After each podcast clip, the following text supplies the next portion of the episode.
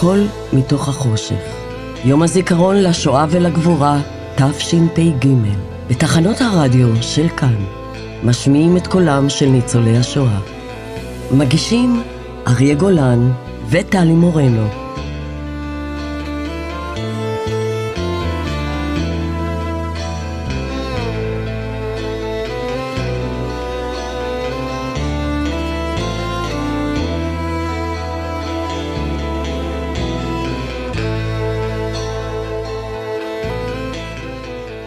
יום הזיכרון לשואה ולגבורה תשפ"ג בתחנות הרדיו של כאן.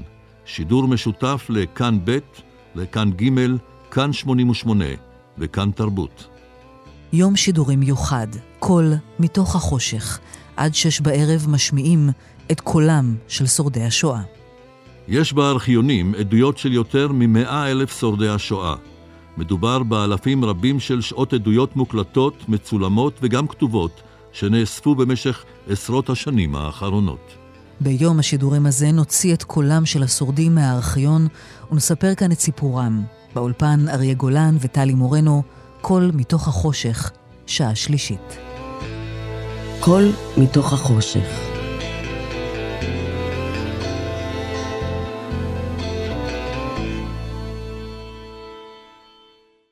ב-1 בספטמבר 1939 פלשה גרמניה הנאצית לפולין, ומלחמת העולם השנייה החלה.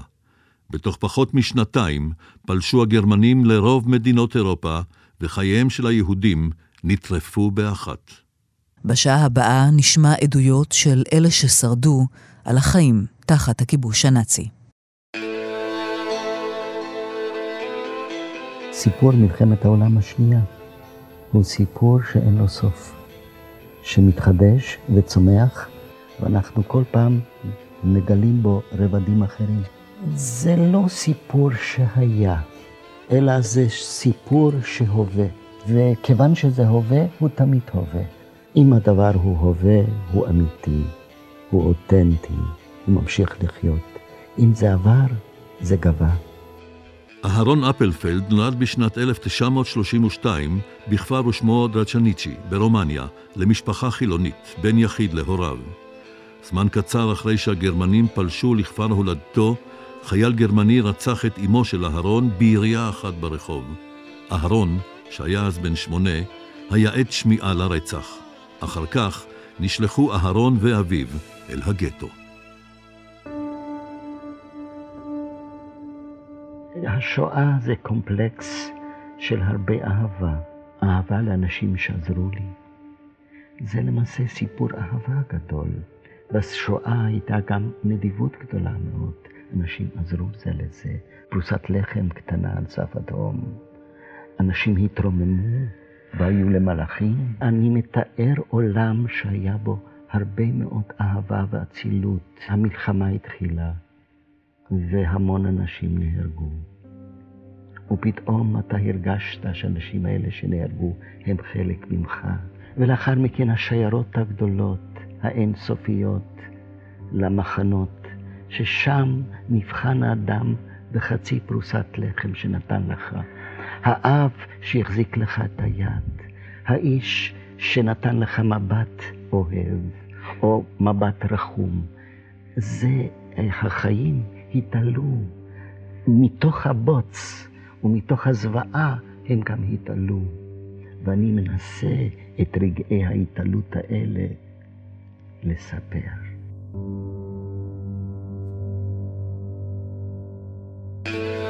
קול מתוך החושך. משמיעים את קולם של ניצולי השואה. אחרי שכבשו את כפר הולדתו של אהרון אפלפלד, גירשו הגרמנים את יהודי האזור, בהם גם את אהרון ואביו, למחנה עבודה באוקראינה. במחנה העבודה הופרד אהרון מאביו, ושוב לא ראה אותו. הוא נותר לבד בעולם, והחל לנדוד בין כפרים ויערות במרחבי אוקראינה. הוא שרד את שנות המלחמה בתושייה יוצאת דופן. באחד הימים, יצואנית אוקראינית נתנה לו מחסה בביתה.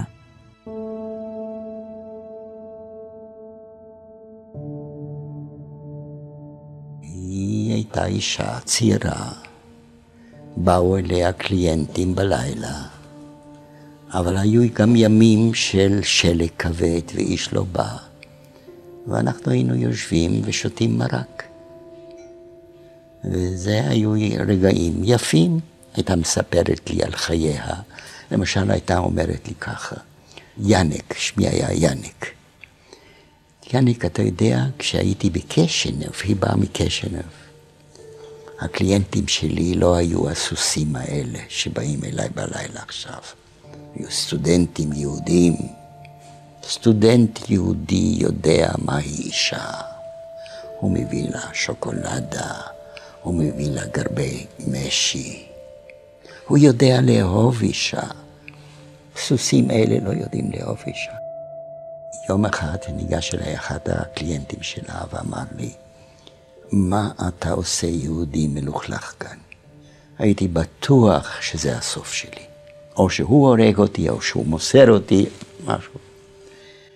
אה, אינני יודע מי נטע בראשי את המחשבה לומר לו, איך אתה מעז להגיד לילד נוצרי שהוא יהודי? הוא השתתק. למזלי לא הייתה לי אז מחשבה, היו לי אינסטינקטים, והם שהובילו אותי. המחשבה הייתה מדעה אותי, כלומר אני הייתי אז ילד בגיל עשר, תשע, עשר, ומחשבה בדרך כלל מדעה. האינסטינקטים הם, יש בהם תבונה משלה. אהרון אפלפלד, פרופסור לספרות עברית וחתן פרס ישראל, מת בשנת 2018, בן 85. הוא כתב יותר מ-40 ספרים שתורגמו ליותר מ-30 שפות. כולם עוסקים בצורה זו או אחרת בשנות ילדותו במלחמה. קול מתוך החושך. שלמה פרל נולד בעיר פיינה שבגרמניה בשנת 1925, הצעיר מבין ארבעה ילדים. כשהיה בן שמונה, עלו הנאצים לשלטון.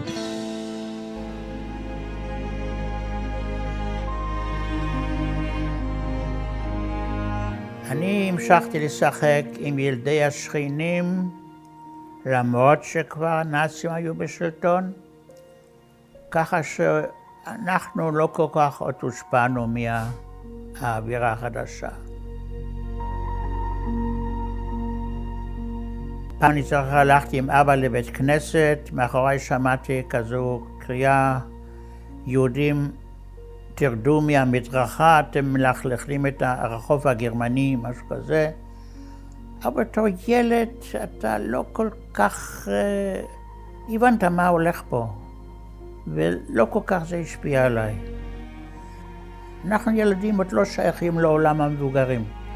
כעבור שנתיים, בשנת 1935, חוקקו הנאצים את חוקי נירנברג, ושלמה גורש מבית הספר. אני זוכר עד היום הזה, זו הייתה החוויה הטראומטית של הילדות שלי, אותו הגירוש הברברי מהבית ספר. עם הגירוש מהבית ספר התחילה עבורי השואה. והייתי בכיתה ג'. הייתה משמרת לפני החנות של אבא שלי, לא לקנות אצל יהודים. אבא שלי נאלץ למכור את החנות בסכום ממש מגוחך, וכך שאנחנו עזבנו את גרמניה ללודג'. ב-1 בספטמבר 1939 הנאצים פלשו לפולין. כעבור ימים אחדים הגיעו הגרמנים ללודג' והרדיפות אחר היהודים החלו. כדי להציל את שלמה, החליטו ההורים שעליו לנסות להימלט עם אחיו הגדול יצחק מזרחה, אל שטחי ברית המועצות. לו אני הייתי אז יודע שאני עוזב אבא ואימא לתמיד, לא הייתי הולך. הייתי בן 14.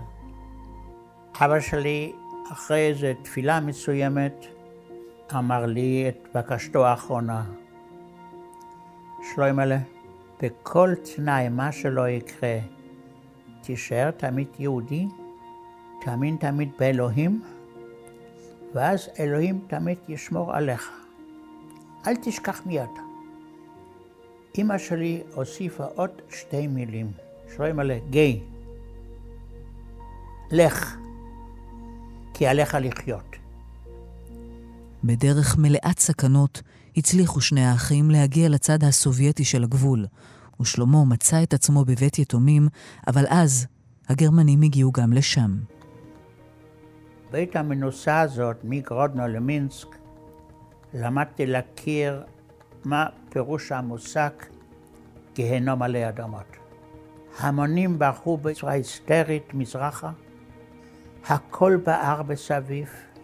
הם ציוו לכל האלפים להסתדר על שדה פתוח לתורים ארוכים, לשם מיון. קודם כל הצטרפתי אל התור הארוך ביותר, בשביל להרוויח זמן. כי לי עכשיו היה ברור, כל צד קדימה מקרב אותי לקץ. רק עם השפתיים, עוד איכשהו הצלחתי למלמל, אבא, אמא, אני עוד לא רוצה למות. באיזה שלב מסוים, בזהירות רבה, שהגרמנים לא יבחינו, חפרתי עם הכיף של הנעל בור קטן בתור אדמת השדה הרכה, וטמנתי לתוכו את כל התעודות שלי, שהוכיח מוצא יהודי, וקברתי את זה חזק. ועכשיו ללא תעודות המשכתי גם אני להתקדם. פתאום שמעתי לקראתי כאילו פקודה בגרמנית, ידיים למעלה. באמת הגיע תורי, הרמתי את ידיי הרועדות, מולי עומד חייל גרמני, ופתאום שואל אותי, אתה יהודי? ואמרתי לו בקול שלא השאיר שום ספק. אמרתי לו, לא, אני בן לאום גרמני. זה בגרמנית פולקסטויטשר. והנס קרה שהוא האמין לי. שמח אותי נער גרמני, לקחו אותי על כזה זחלם למפקדה שלהם, וכך נהייתי יוזף פריאל, ולא ידעתי איזה סיפור פה עכשיו לא יאומן יתפתח. בזהות החדשה שלו, שלמה הצטרף לכוחות הגרמנים והפך למתורגמן מרוסית לגרמנית. אחר כך הוא נשלח בחזרה לגרמניה, להתחנך בפנימייה של הנוער ההיטלראי, ואז גויס לצבא. לקראת סוף המלחמה הוא נפל בשבי בעלות הברית כחייל גרמני. הוא התאחד עם אחיו ששרד את מחנה דכאו ועלה לארץ להילחם במלחמת העצמאות. את סיפור הישרדותו המופלא כתב בספר האוטוביוגרפי "קוראים לי שלמה פרל", שעובד לסרט "אירופה אירופה". בחודש פברואר השנה מת שלמה, בגיל 97. דבורה ברגר נולדה בלודג' שבפולין בשנת 1928. בעדותה היא מתארת את הימים שבאו אחרי שהגרמנים כבשו את העיר. הם נכנסים ללודג' לכל שום התנגדות. ולא מספיק שלא שום התנגדות, הרבה מאוד בחורות פתאום עומדות וזורקות עליהם פרחים. החיים משתנים באחת. לאט לאט הדברים מתחילים הרבה יותר קשים. הם תופסים אנשים ברחוב, פשוט תופסים. בעיקר יהודים דתיים עם חזות דתית. מה פירוש חזות דתית? זקן, פיות, והכובע המיוחד שלבשו בלודג'. לבשו כזה כובע קטן דומה לכובעים שהחסידי בלץ לובשים כאן. גם אבא שלי לבש כובע כזה. איכשהו יש להם מוכן הגבהה ברחוב, שולחן, משהו כזה. האיש האומלל הזה, מעמידים אותו לשולחן, ויש להם כבר תפילין, טלית, מכניסים אותו ללבוש את זה, לרקוד, לשיר, ללבוש את התפילין או לבזות אותם. כל זה מלווה במכות רצח עם עלות גומי שחורות כאלה. מסביב מתאסף קהל, פולנים וגרמנים, מוחאים כפיים, ההצגה הכי טובה בעיר. האיש הזה כבר בדרך כלל לא, לא יצא מזה חי. ככה שגם ללכת ברחוב, לאדם דתי היה מסוכן מאוד. בשנת 1940 גורשה דבורה עם המשפחה לגטו לודג' ומשם נשלחו למחנה הריכוז וההשמדה אושוויץ-בירקנאו, שם נרצחו שני הוריה. דבורה ואחיותיה נשלחו למחנה עבודה בעיירה הלבלשטט שבחבל הסודטים. שם עבדה דבורה עד לשחרור המקום במאי 1945. אחרי המלחמה היא עלתה לבדה לארץ ישראל במסגרת עליית הנוער. קול מתוך החושך, משמיעים את קולם של ניצולי השואה. סולומון פגרסון היה בן 11 כשהגרמנים כבשו את עירו ליפאיה שבלטביה ביוני 1941. נסגרו את בתי הספר של היהודים, ליהודים אסור היה ללכת לבתי חולים, ליהודים אסור היה לבקר בקולנוע או בפארקים ציבוריים. בליבו היה חשמלי, אז היה קרון מיוחד בשביל היהודים. לקחו את כל הגברים והדור הצעיר לעבוד, לנקות את הכבישים, לנקות את המדרחוב.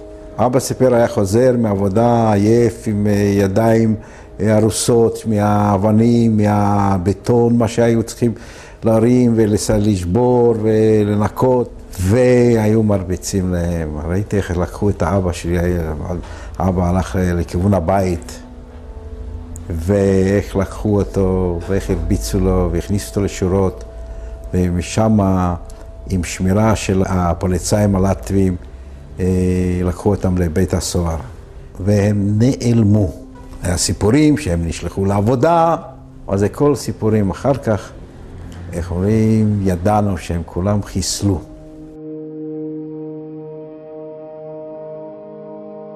בגלי הרציחות בגטו נרצחו גם אמו ואחיו הקטן של סולומון.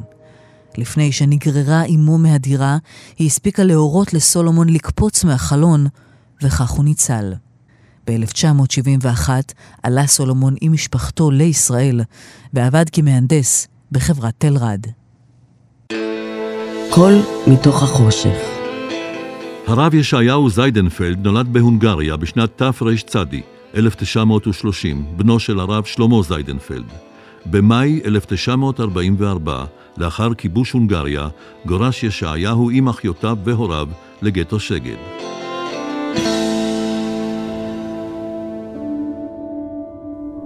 בליל הסליחות שלפני ראש השנה תש"ג, בחודש ספטמבר 1943, יצאתי עם אבי בשעה ארבע לפנות בוקר לבית הכנסת.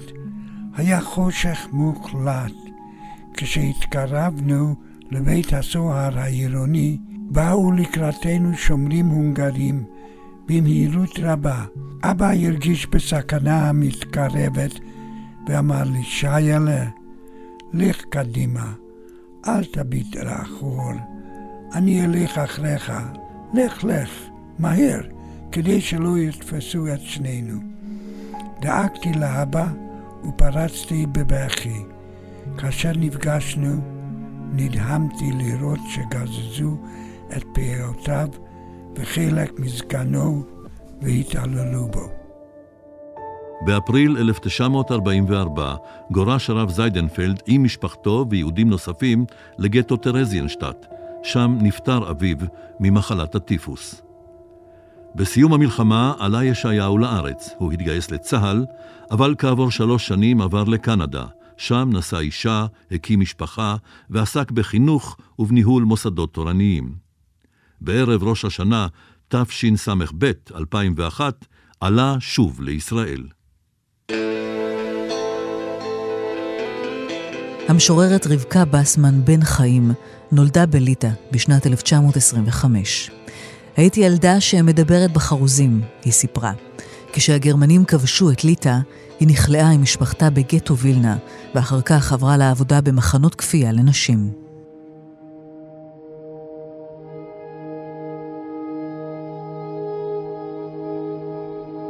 היינו רעבים. היינו סגורים, והתחילו לקחת אותנו לעבודה. לפעמים אני חושבת שאי אפשר להבין את זה בכלל, מה קרה, כי מהפך של חיים כל כך חזק וכל כך, שאין מילים לתאר אותו. רק עם שיר או עם ציור, אני יודעת שאפשר להוסיף. את השיר לזכר ארלה כתבה רבקה לזכר אחיה, שנרצח כשהיה בן שמונה. mein Bruder beliebter, an Kräufen lo mir schnell, an Kräufen nichts besiegte, von der besiegter Welt. Und mitnehmen die Blicken, wie brennen mir im Feld, verblieben Pust und Trocken In einer verbrennter Welt. Und mitnehmen die Klangen, wie gleckeldicke Schof in Welt, wo es vergangen, der Onheib und der Sof. לזכר ארלה, בוא אחי הקטן, כי אנחנו בורחים, במהירות. בוא נצא, אח אהוב, כך בלתי מנוצחים, מעולם מנוצח. וניקח מבטים, כל בת עין, באר בשדה, שנותרה שם ריקה ובלי מים, בעולם שנשרף, בבעירה. וניקח גם את כל הצלילים, צלצוליו של הצאן, ונחשוף לעולם שהכל בו עבר, התחלה וגם סוף. רבקה נותרה לבדה בעולם. היא עלתה לארץ, התחתנה עם הצייר משה בן חיים ועבדה כמורה. היא נפטרה בהרצליה בגיל 97, בחודש מרץ השנה. רבקה כונתה משוררת היידיש האחרונה, והשאירה אחריה תשעה ספרי שירה ביידיש. את השיר תרגם מיידיש בני מר. קול מתוך החושך. משמיעים את קולם של ניצולי השואה. עליזה לנדאו נולדה בשנת 1938 בלוד שבפולין.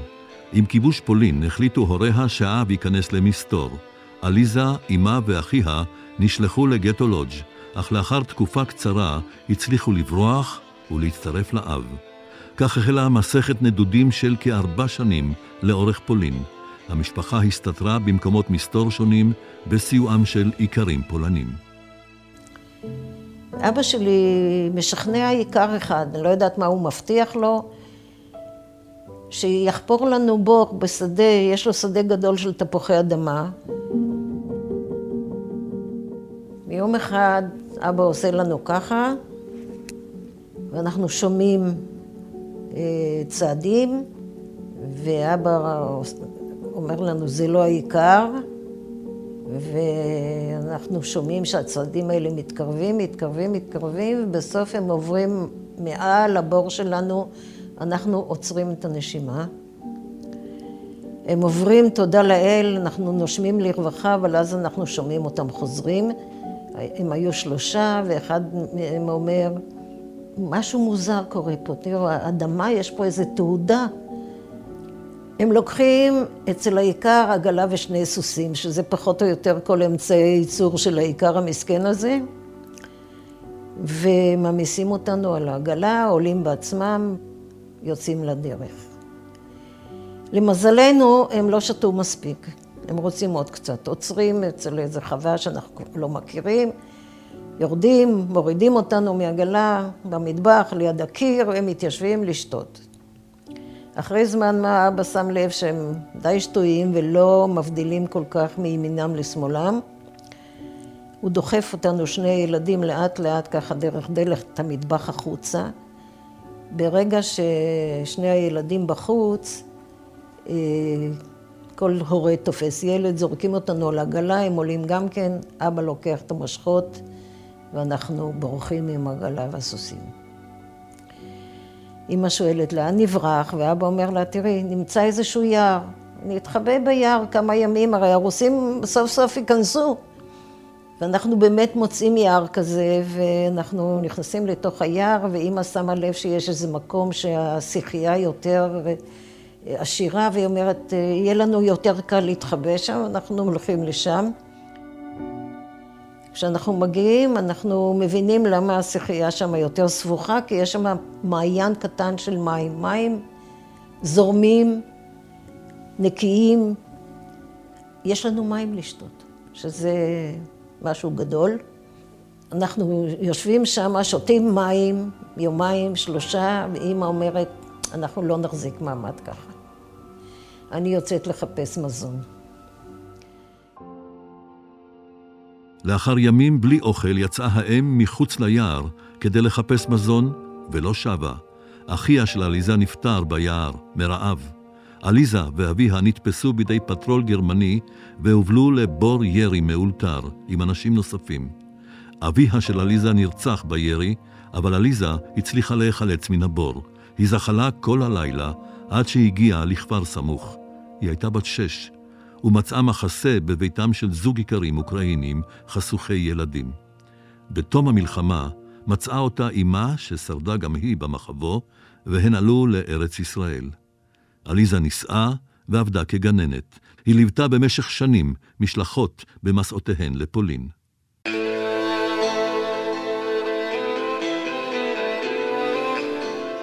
זו הייתה השעה הרביעית של קול מתוך החושך. כאן ב', כאן ג', כאן 88, כאן תרבות, מביאים את קולם של שורדי השואה. עורך יום השידורים אייל שינדלר, עורכי השעה אייל שינדלר ונועה בן הגיא. את הנעימה שמלווה את יום השידורים כתב יהודה פוליקר. קריינית האותות יונה אליאן. את המוזיקה ערך ערן ליטבין. מפיקה עירה וקסלר, על הביצוע הטכני אלון מקלר. תודה לרב אילי עופרן, קבוצת יבנה ולאיציק יושע. העדויות נלקחו מארכיון יד ושם ומארכיון כאן, רשות השידור, הטלוויזיה החינוכית וקול ישראל. עדותה של רבקה בסמן בן חיים, מתוך הסרט דבש שחור, שירת חייו של אברהם סוצקובר, באדיבות העבריים. באולפן אריה גולן וטלי מורנו. אחרי החדשות, שעה של עדויות שורדי שואה על הפרטיזנים היהודים. תודה לכם על ההאזנה.